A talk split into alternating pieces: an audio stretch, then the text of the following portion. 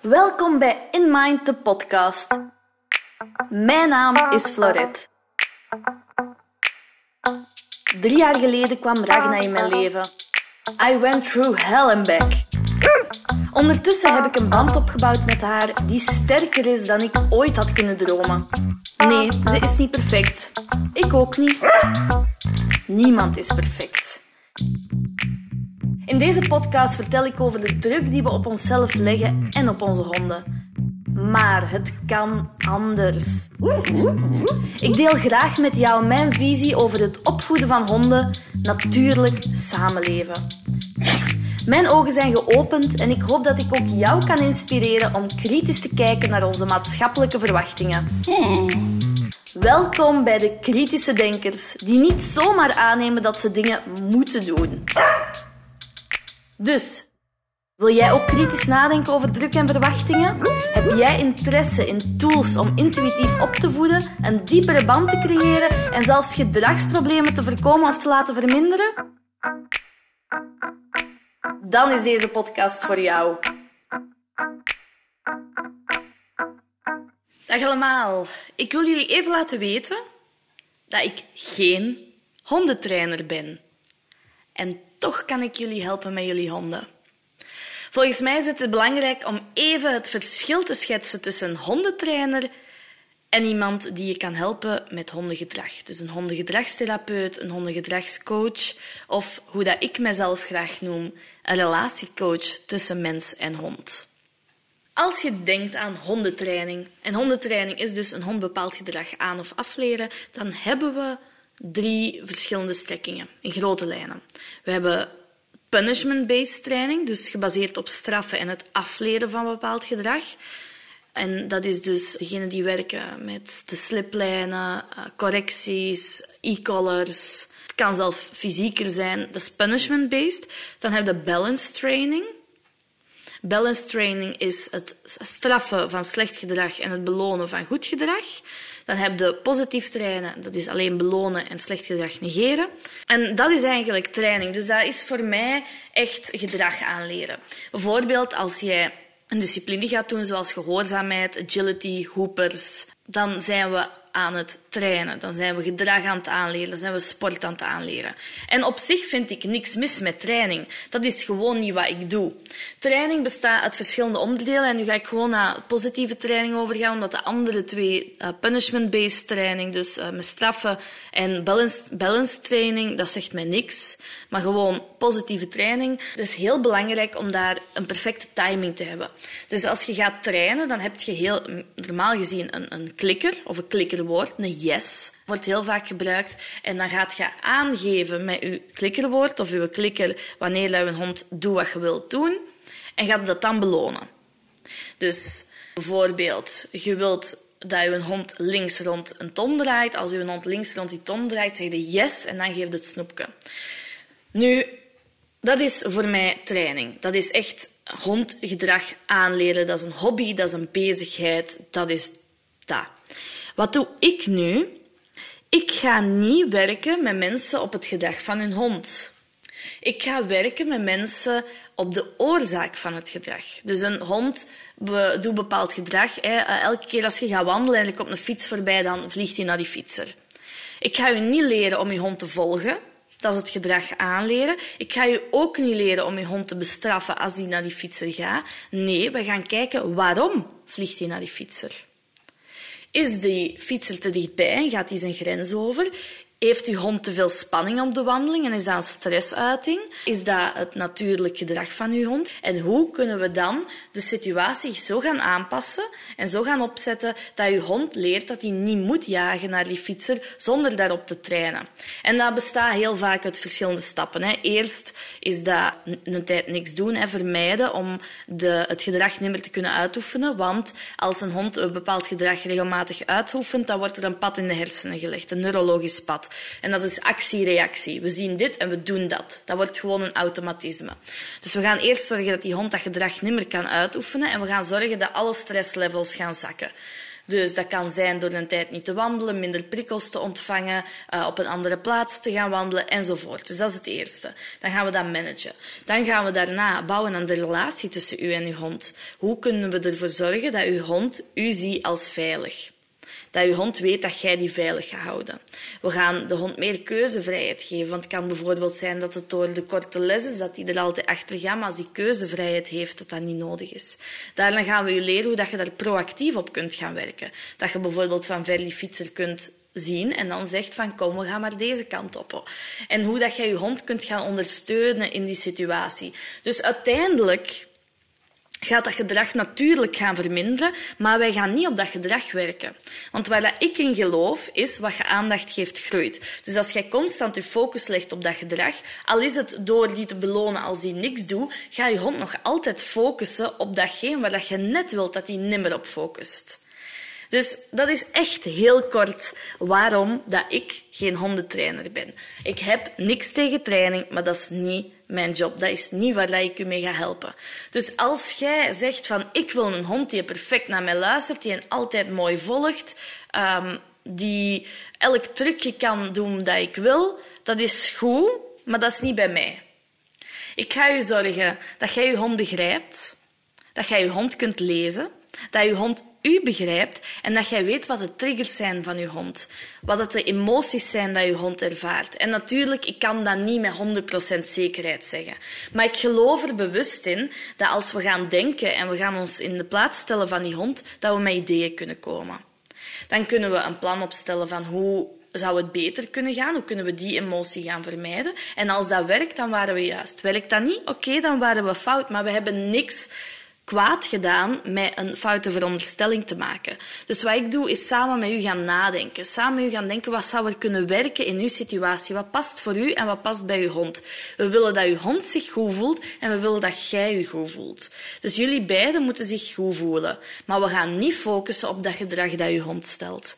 We gaan focussen op wat er allemaal rondhangt, die vage dingen. Hoe voelt jij je als jij je gaat wandelen? Wat zijn, wat zijn de moeilijke situaties voor je hond? Misschien is uh, bijvoorbeeld eerst bezoek ontvangen en dan gaan wandelen de trigger voor zo'n situaties. Misschien als de wandeling langer dan dit duurt. Misschien als dat de zoveelste prikkel is. Dus wij gaan samen op onderzoek uit. Wij gaan samen op onderzoek uit om te leren wie is, wie is je hond? Wat zit daarin? Wat zit daarachter? Wat drijft die? Wie is die?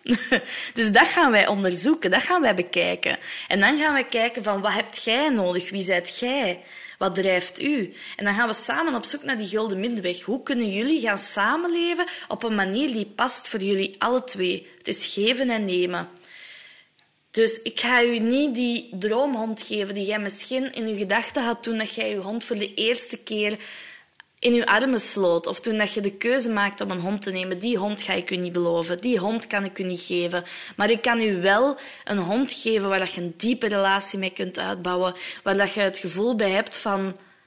Jij bent geweldig. Zelf met uw slechte kantjes, jij bent geweldig. Want ik ken uw slechte kantjes. En ik kan u helpen om u daar niet zo diep in te verliezen. Dus nee. Als mensen vragen aan mij of ik honden train, absoluut niet. Train ik de mensen? Eigenlijk ook niet. Ik, leer, ik geef inzichten. Ik leer u nadenken, ik leer u hoe een hondje werkt. En heel vaak merk ik, als ik met mensen een tijd werk, dat zij na een tijd perfect zelf weten hoe dat zij bepaalde situaties moeten ingaan. Omdat zij weten hoe dat hun hond wired is. Hè? What makes them tick. Omdat zij weten hoe dat die in elkaar zit, kunnen zij eigenlijk wat zij leren over andere situaties gaan toepassen in nieuwe situaties.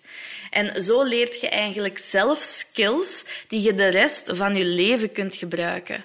Zonder te trainen, zonder je perfecte timing aan te leren. Gewoon door, door die, die band op te bouwen, door dat begrip op te bouwen, door te weten van wij zijn één, wij zijn samen.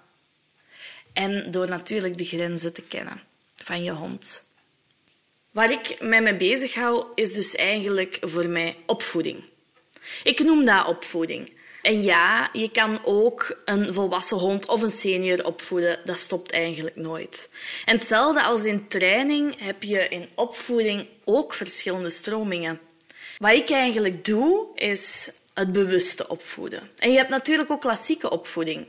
Dus we gaan dat ook gewoon gelijk trekken naar de kinderen. Want inderdaad, bij kinderen heb je ook die verschillende stromingen in opvoeding. En zo heb je die gewoon ook bij honden.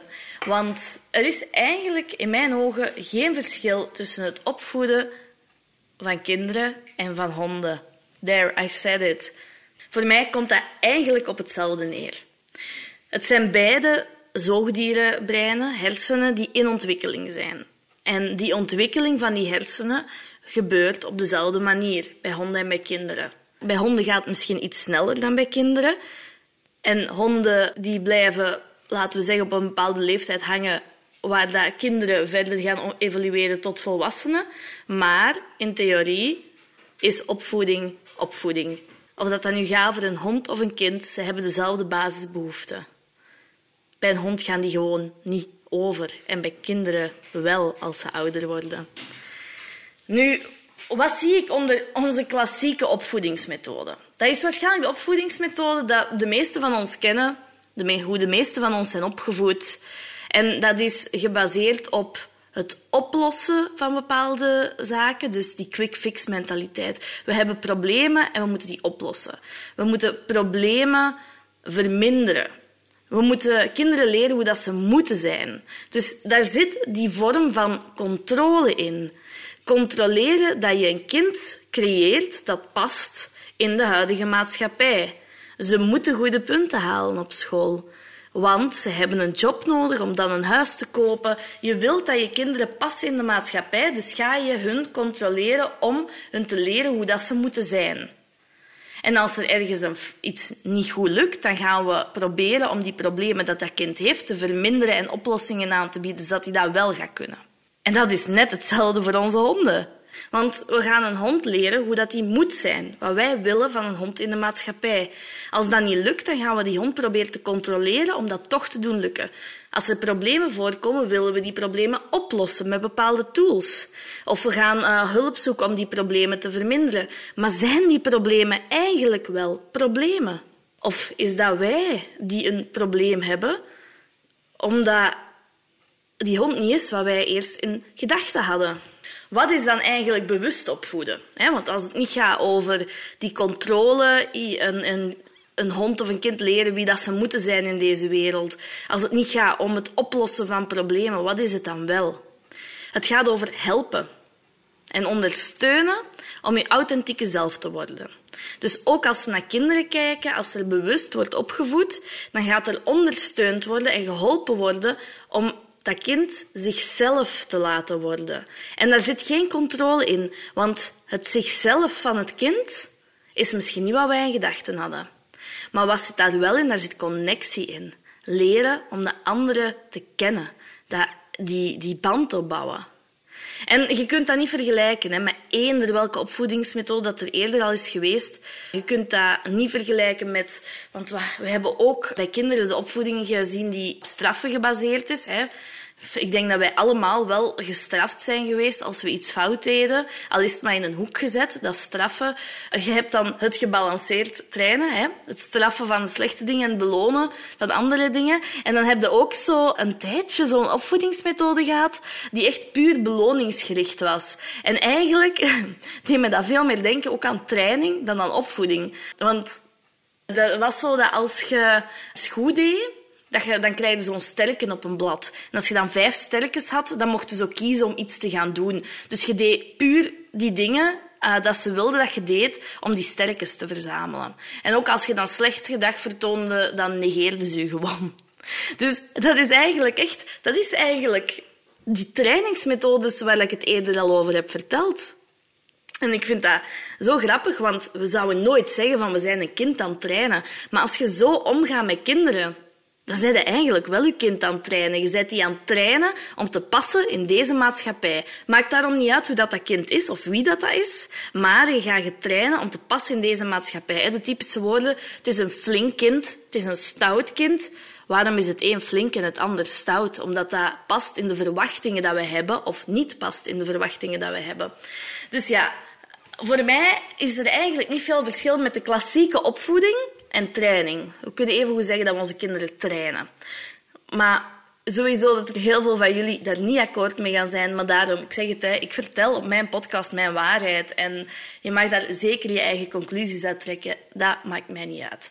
Maar dat bewust opvoeden, dat, dat is echt opvoeden. Dat gaat over echt die ondersteuning bieden. Uw kind of uw hond te laten zijn wie dat ze zijn. En jij zijt er voor hen. Jij zijt er om hen te helpen. En we gaan dus niet proberen om problemen op te lossen.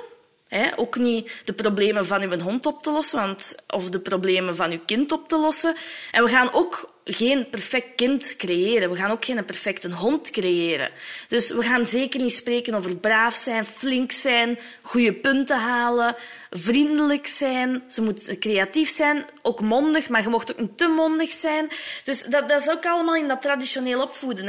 Hè. je moet braaf zijn, je moet flink zijn en die goede punten. En altijd vriendelijk zijn, best ook creatief. Je moet wel voor jezelf kunnen opkomen, maar niet te hard, want dan zijn een rebel. Dus dat is allemaal zo dat, dat perfect. En bewust opvoeden, dat zegt, voort, allemaal weg. We laten dat allemaal vallen en we gaan naar onszelf gaan kijken.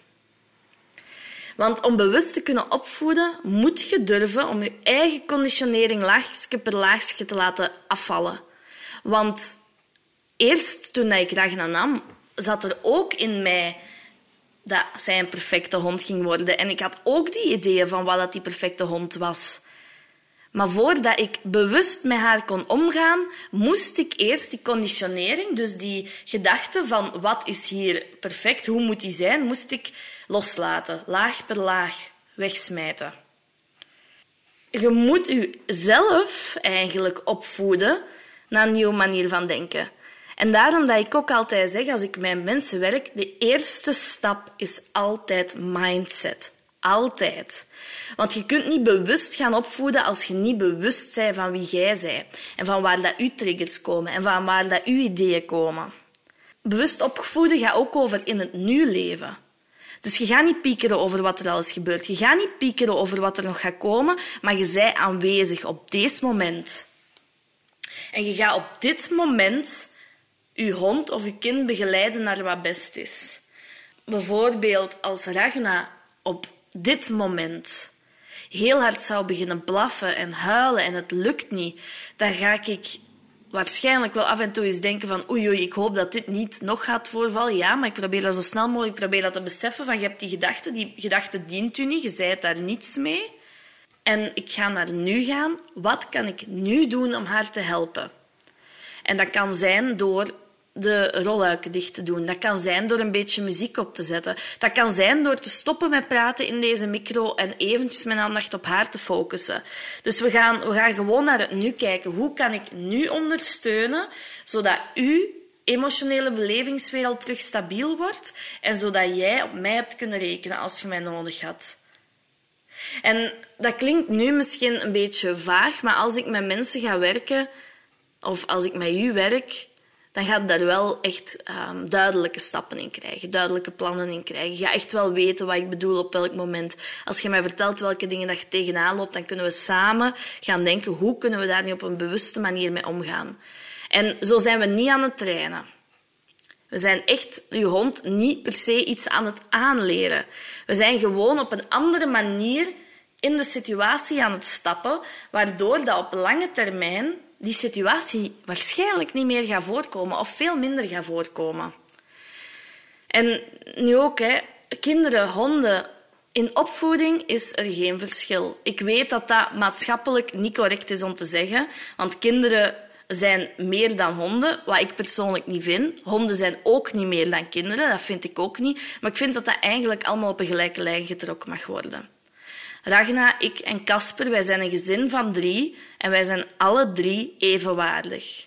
Ook Ragna is even waardig aan ons. En wij zijn niet meer waard dan haar. Wij zijn ook niet minder waard dan haar. Wij staan gelijk. Wij leven samen in gelijkwaardigheid. En dat, dat vind ik zo belangrijk. En daarom dat ik soms ook een probleem heb met training omdat ik eh, het gevoel heb bij heel veel mensen dat training niet kan in gelijkwaardigheid. Als jij een hond iets wilt laten doen, gewoon omdat jij dat wilt, dan is dat niet gelijkwaardig. Wat is iets anders natuurlijk?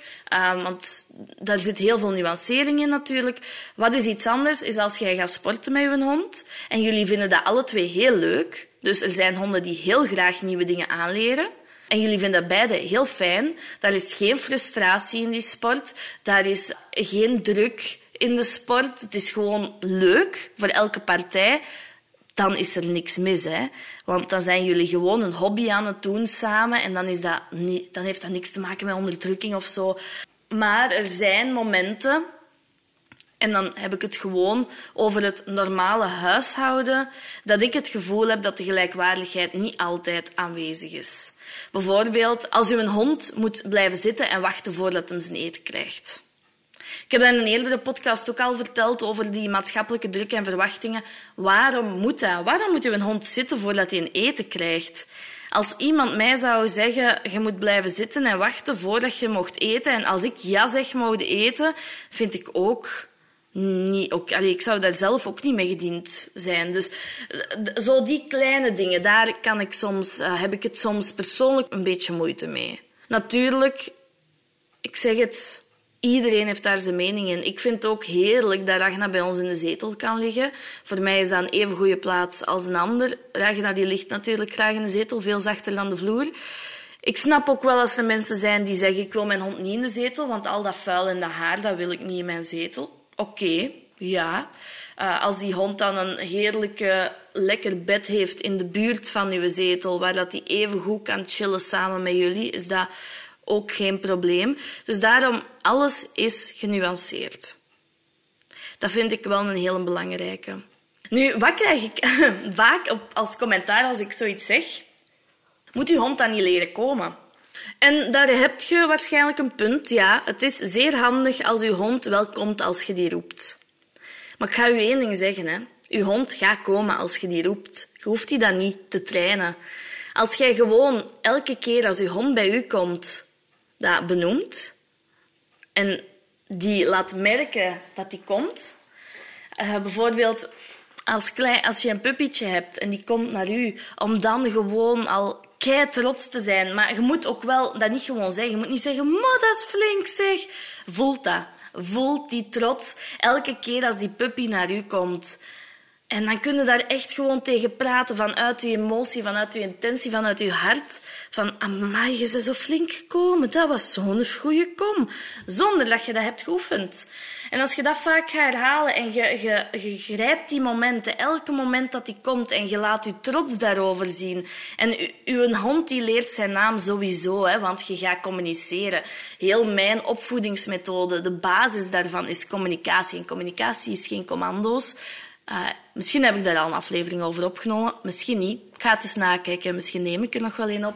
Maar heel mijn opvoedingsmethode gaat over communicatie, zodat je hond perfect weet wat jij gaat doen, op welk moment dat hij... Als ik zeg, Ragna, blijf maar even liggen, ik ga naar het toilet, dan weet hij perfect waar ik naartoe ga. Dus dat is geen commando. Hè. Ik zeg haar niet blijf en ze moet niet blijven. Ik geef haar gewoon de informatie van je hoeft niet meer recht te staan. Ik ga maar naar het toilet. Het gaat niet interessant zijn. Uw hond gaat zijn naam uiteindelijk leren. En als jij altijd trots bent als die bij u komt, ook al vraagt je dat niet en jij roept die, dan gaat die komen. Want die is super graag bij u, die voelt die trots gewoon. Dus je kunt je hond nog altijd dingen aanleren. Je kunt die ook perfect leren om eventjes te blijven wachten. Hoe heb ik dat gedaan? Heel simpel. Ik, uh, ik ga een deur uit en ik zeg, Ragna, blijf maar even wachten. Ik ga de deur uit en doe die dicht. De eerste keer of de twee eerste keren of drie keer misschien, ga die nog proberen om daarmee tussen te kruipen.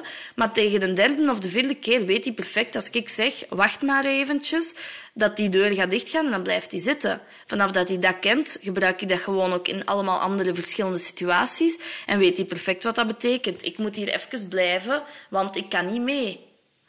En oké, bijna wachten betekent dus niet blijft hier in die exacte spot blijf staan. Nee, gewoon, je blijft nu even daar. Ik ga ergens anders naartoe en je moet mij niet volgen.